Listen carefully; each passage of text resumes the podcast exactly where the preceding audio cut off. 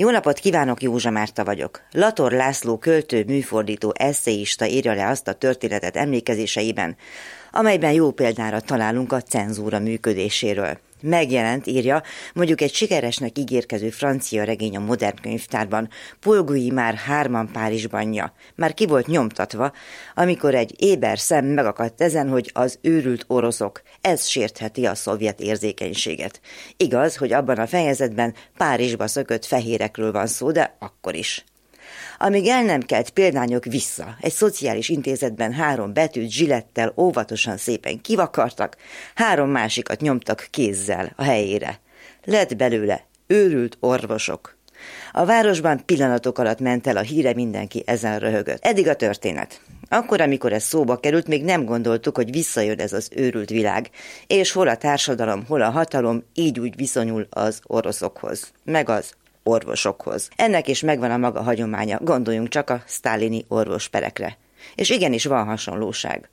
A mai hatalom úgy véli, hogy számukra az orvosok amúgy meglehetősen öncenzúrázott. A szolidaritás szót hírből sem ismerő érdekérvényesítése olyannyira bosszantó számára, hogy igyekszik szitokszóvá tenni az orvos szót.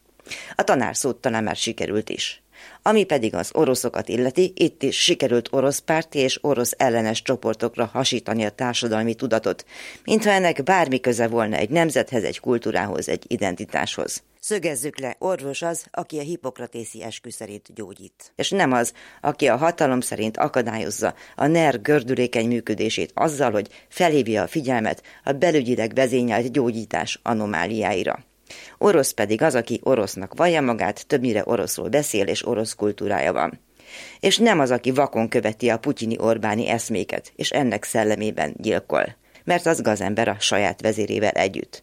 Putyin magyar csodálójának elsődleges ismérve pedig nem az, hogy magyarnak vallja-e magát, hanem az a rendszer, amelynek feje együtt kvaterkázik a zsarnokkal, és igyekszik minél hűségesebb tanítványa lenni.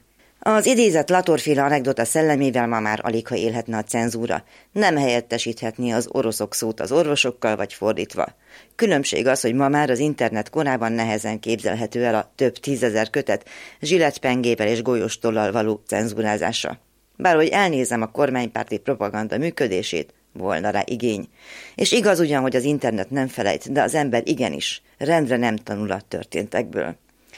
Ő táncolni kezd, vörösbort iszik és röhög, egy rózsaszín, lucskos húspárnaként segítségért üvöltök.